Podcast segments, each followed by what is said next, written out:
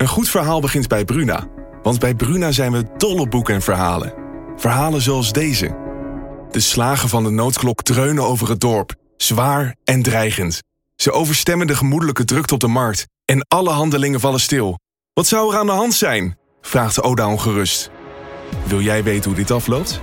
Je leest het in Bloedlijn van Simone van der Vlucht. Nu bij Bruna. Ik weet wel, en dat ook weer op, grond van mijn cold case ervaring, van cold case zaken die ik naderhand bestudeerd heb, dat er in die tijd ook door de technische recherche, zoals dat toen heette, alle belabberst uh, werk geleverd is. Ook in andere onderzoeken.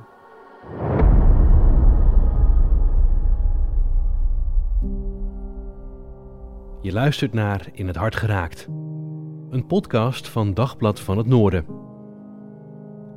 Journalisten Marijke Brouwer en Willem Dekker zijn op zoek naar een moordenaar. Iemand die met één steek in het hart een einde maakte aan het leven van de jonge en ambitieuze psychologe Els Slurink. De moordzaak is na bijna 23 jaar nog altijd niet opgelost. Mijn naam is Jeroen Kelderman en ik neem je mee op onze zoektocht. Deel 3. Een onopgeloste moord. In die tijd was, uh, alweer in mijn optiek, zo noem ik het maar, de recherche was een ondergeschoven kindje. De politieorganisatie draaide in die tijd heel veel om het uniform. Mensen moesten generalist zijn. Dat betekent dat ze in de ogen van de leiding alles moesten kunnen. En een specialist die al te lang op zijn plek zat, die zou eigenlijk er weer af moeten. En nou, zo, zo gebeurde dat veel goede rechercheurs die aan de beurt waren om een, een, een, promotie te krijgen naar rang hoger. Ja, dan moest je, dat kon wel, maar dan moest je wel weg bij de recherche. en dat betekende dat er veel eh, mensen waren die niet op de goede plek zaten. En dat was de situatie in 1997 toen Els vermoord is. In die tijd uh, werden, dat was ook nog een ongelukkige bijkomstigheid, gebeurden er veel opzienbarende uh, misdaden, moorden, hè, met prostituees en andere zaken. En uh, nou, dat liep allemaal niet zo voortvarend en, en er werden weinig zaken opgelost. Oud-rechercheur Klaas-Jan Dijkema heeft forse kritiek op het politieonderzoek direct na de moord op Els Slurink. Hij werkt in 1997 als rechercheur bij het interregionaal rechercheteam Noordoost-Nederland. Wat ik toen gezien heb en naderhand ook van collega's heb gehoord, dat uh, voor die zaak uh, een aantal een RBT samengesteld moest worden. Recherche bijstandsteam, dat was toen de naam eh, voor, voor teams die op moordzaken gezet werden. Dan, die, die werden, eh, de rechercheurs werden eh, overal dan weggehaald. En als het goed geweest zou zijn, zouden het allemaal gekwalificeerde rechercheurs moeten zijn. Maar in die tijd was, was het armoedroef, wat ik net al probeerde te beschrijven.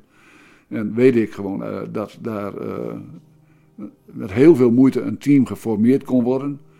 En dat team bestond dan ook nog maar voor een, gering een heel gering deel uit ervaren regisseurs. Daar heb ik later ook, uh, toen ik dezelfde zaak ging bestuderen in het Cold Case Team uh, in 2006, zag ik ook wie, wie dat uh, aan die zaak gewerkt hadden. En ja, naar mijn, nou zal ik maar zeggen, bescheiden mening, durf ik te zeggen dat daar, dat, dat, dat niet, niet echt allemaal top was. De politie probeert de moordenaar van Els te vinden en zoekt tussen de van seksueel misbruik verdachte vaders die Els kent via het diagnostisch centrum, waar ze coördinator is. Els doet onderzoek naar een betrouwbare methode om via interviews met kinderen vast te kunnen stellen of er sprake is van seksueel misbruik. De mannen die een motief hebben vallen allemaal af, omdat hun DNA en vingerafdrukken niet overeenkomen met de sporen in het huis van Els. Ook de mannen met wie Els ooit een relatie heeft, vallen om die reden af.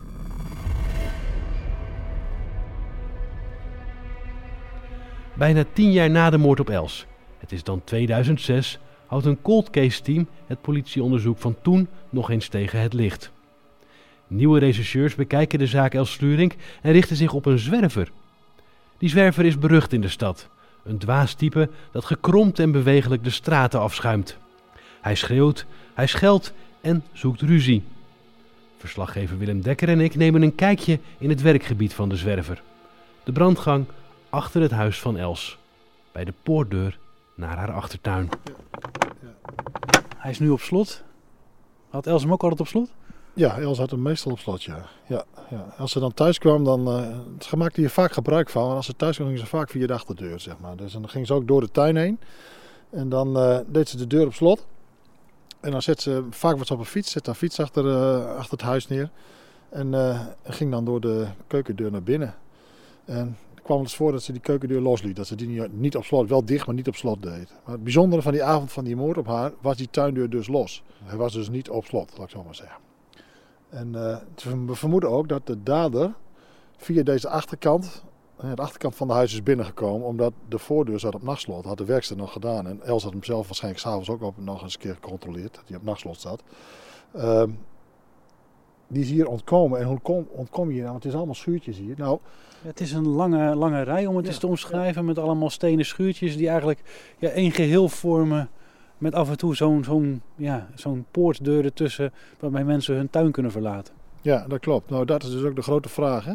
Nou, het vermoeden is dat het via de tuin van de buren is gebeurd. De tuin van de buren is namelijk niet afgesloten. En als je wil kun je door de bosjes van de ene in de andere tuin komen. En er komt nog bij dat een buurvrouw, een achterbuurvrouw, die heeft s'avonds tijdens het omsteken rond het tijdstip van de moord, rond een uur, een uur of uh, half één, half twee, tussen dat tijdstip ongeveer, een, een, een lichtje, lichtje gezien in haar woning. Die kon ze vanuit de, uit de achterkant kon ze dat zien en ze zag toen ook iemand wegduiken. En vermoedelijk is dat de dader geweest.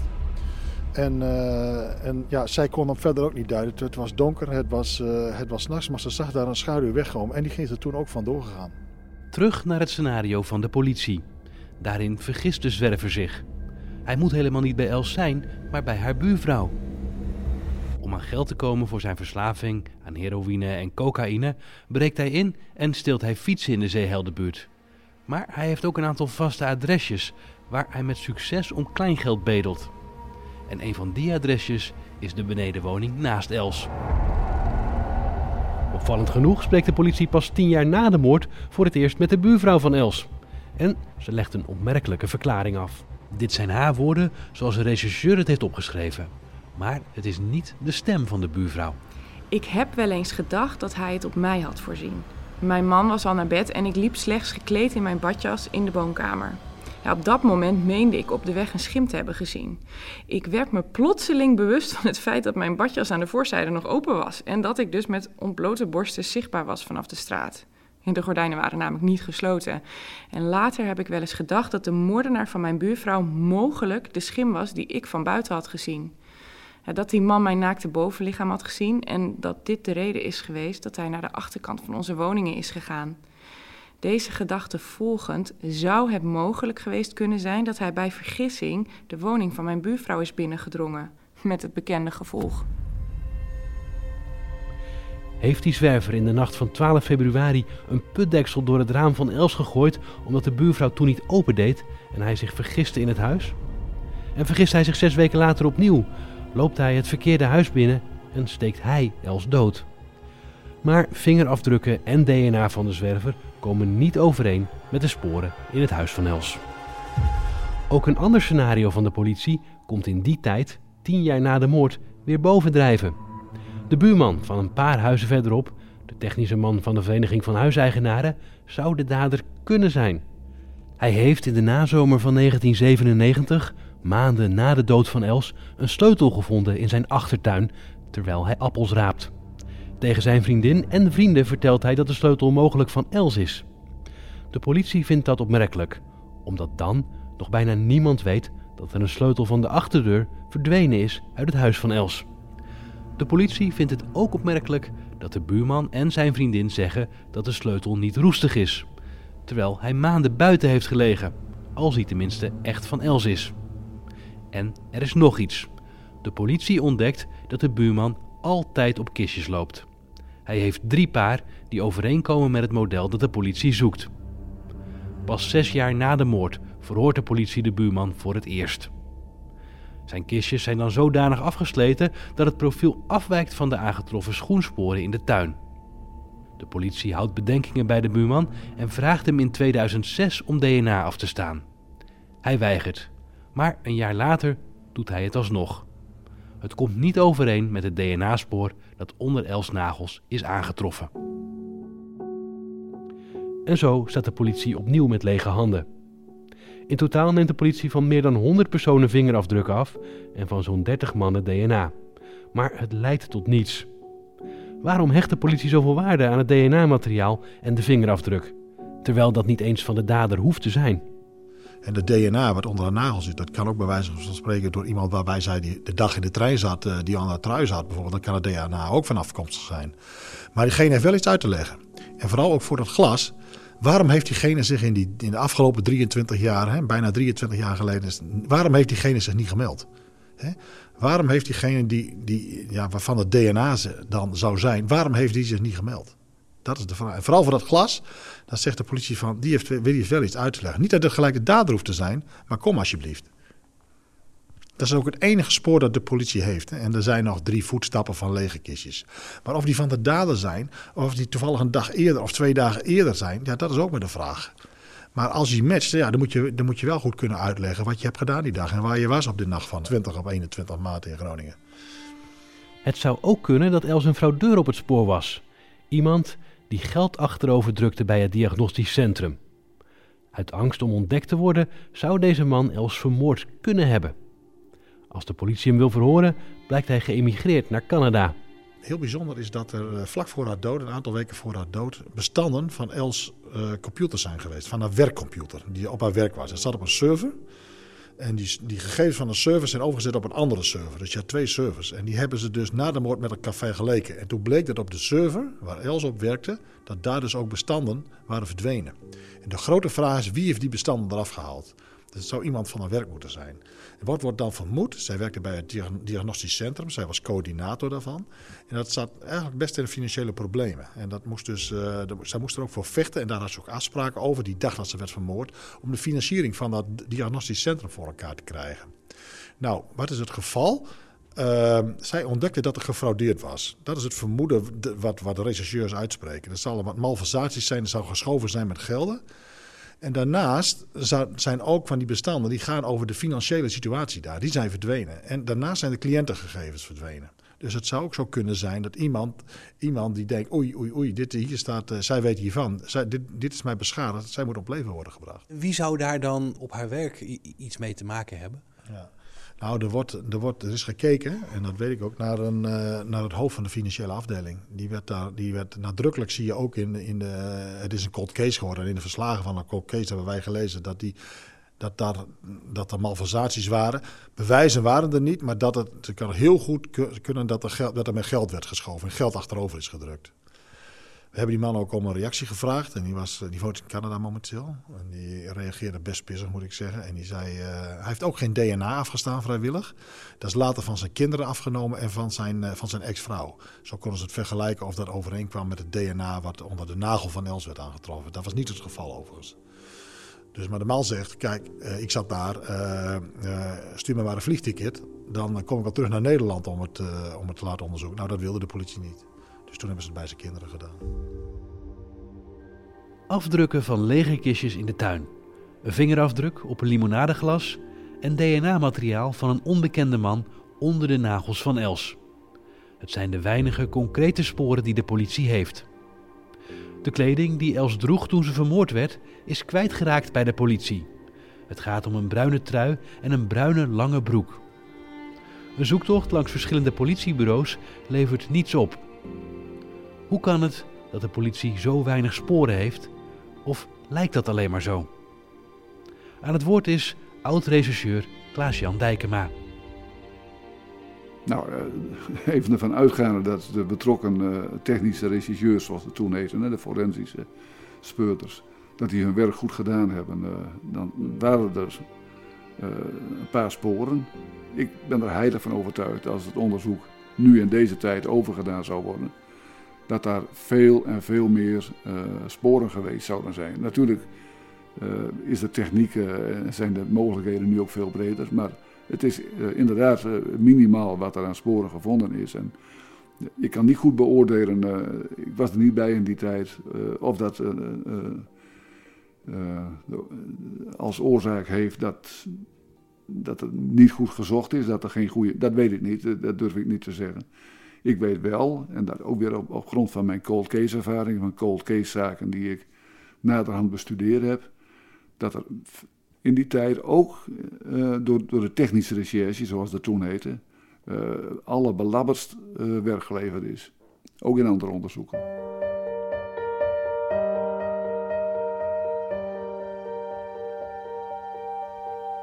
Els was naast haar werk bij het Diagnostisch Centrum druk bezig met promoveren aan de Universiteit van Utrecht om dokter te worden. Jarenlang werkte ze aan een proefschrift en dat was bijna klaar. Els deed onderzoek naar gesprekstechnieken die je kon toepassen om vast te stellen of kinderen seksueel misbruikt waren. Els vindt het zwaar en schrijft erover in haar dagboek. Opeens wil ik Italiaans leren, om maar dicht genoeg bij de muziek van Farinelli te komen. Dat geef ik mezelf allemaal als ik deze ellendige promotie af heb. Als ik na maanden, jaren eindelijk het juk van me af kan gooien. Het juk dat me bijna kapot kreeg. Maar dat ook zal maken dat de extase daarna groot is. De hoogleraar die haar promotie begeleidde kwam er in haar proefschrift niet best van af. Hij interviewde kinderen op een verkeerde manier volgens Els. Een aantal weken na haar dood worden al haar verslagen opgehaald in opdracht van de universiteit en vernietigd volgens de hoogleraar om de privacy van de kinderen te beschermen. Heeft hij ruzie gehad met Els en haar iets aangedaan? De politie vindt het niet aannemelijk en de hoogleraar, die kunnen we het niet meer vragen, want die is zelf inmiddels ook overleden. Rechercheur Yvonne Metz was vanaf het begin betrokken bij de zaak. De moord op Els Slurink is haar altijd bijgebleven omdat de zaak nooit is opgelost en omdat de zaak volgens haar heel complex is. Voor mij is het een zaak die uh, nog open is. Uh, die uh, op zich nog steeds de aandacht wel trekt. Ook mijn, mijn aandacht, omdat het een zaak is die heel veel open einden kent. heel breed is van onderzoek. een enorm netwerk rond het slachtoffer. Met heel veel interessante personen eromheen. En waar we nog geen verdachten in hebben. Hoe komt dat dan, dat er met zoveel onderzoek, zoveel mensen, dat er dan nog geen ja, concrete verdachte is? Uh, nou ja, dan moet je wel uh, voldoende aanwijzingen hebben. En we hebben voldoende interessante personen uh, zien passeren. En er zijn er ook nog steeds aanwezig. Maar voor verdachten, dan moet je ze ook echt verdachten kunnen maken. En dat is niet aan de orde. Toen niet, nu niet, in mijn beleving. En of dat ooit uh, zal worden, geen idee. Ik hoop het wel. Want de zaak verdient wel een verdachte. Het mooiste nog, verdient een veroordeling. Ja, hoe komt het dat er zo weinig aanwijzingen zijn in deze zaak? Ik, misschien moet je zelfs stellen dat er te veel aanwijzingen zijn. zij is, uh, ze heeft een, een, een, rijk, rijke omgeving in Groningen. Maar ook waar ze wegkomt in het Utrechtse. Landelijk in haar werkgebied. Uh, haar cliëntelen, uh, collega's, vrienden hier, vrienden daar. En, en al die netwerkjes trekken de aandacht op een zeker moment, verdienen ook de aandacht op een zeker moment en hebben ook interessante personen. Dus het is heel breed. Wat is jou nou zelf bijgebleven aan deze zaak als je hem in jouw carrière plaatst? Nou ja, als het niet opgeloste zaak. maar uh, ja, dat, dat het een heel breed onderzoek is. Dat het. maar we beginnen altijd breed. Maar meestal kun je dat afbouwen en wel op een gegeven moment filteren naar een bepaalde richting. En dat hebben we eigenlijk nooit kunnen doen in deze. En dat is op zich, dat het zo breed blijft tot, tot het einde van dagen, dat is, vind ik vrij uniek. Nou ja, dat is niet fijn. We lossen het liefst alles op. We, we willen graag de familie zeggen van en zo is het gegaan en uh, zo is het gelopen en die persoon heeft het gedaan. Maar ja, dat, dat, dat kun je niet. En daar ben je wel voor bezig. Daarvoor doe je onderzoek. Dus is, uh, het houdt je bezig. Is het frustrerend? Nee, want je moet wel door. Er zijn heel veel andere zaken die ook aandacht verdienen. Maar het is een zaak die je bezig blijft houden. Ja, dat klopt. Nu de zaak weer opnieuw onder de aandacht wordt gebracht door Dagblad van het Noorden, maakt de politie daar ook gebruik van. Het DNA-materiaal dat aangetroffen werd onder de nagels van Els wordt opnieuw onderzocht door het Nederlands Forensisch Instituut met de technieken van nu die veel verder zijn ontwikkeld dan destijds in 1997. Ook komen bij de politie weer tips binnen over de zaak, vertelt chef Rijn Ramaker van het Cold Case Team. Tot nu toe zijn er 14 eh, tips eh, binnengekomen. Uh, zijn uh, divers. Een aantal tips zijn gericht op personen, verwijzingen naar personen. en een aantal tips gaan komen van mensen die aangeven dat ze eventueel nog wel toelichting willen geven op hetgeen zij al bij ons verklaard hebben. Hoe bruikbaar zijn deze tips? Ja, dat is nog afwachten. Dat hebben we in, in onderzoek. En de tips moeten op waarde worden bekeken, maar dat zal de nodige tijd in beslag nemen. Dankjewel dat je geluisterd hebt naar de podcast In het Hart Geraakt van Dagblad van het Noorden. Lees ook de zesdelige serie verhalen over de zaak Els Slurink op onze website dvan.nl. Daar houden we je ook op de hoogte van eventuele nieuwe ontwikkelingen in deze zaak.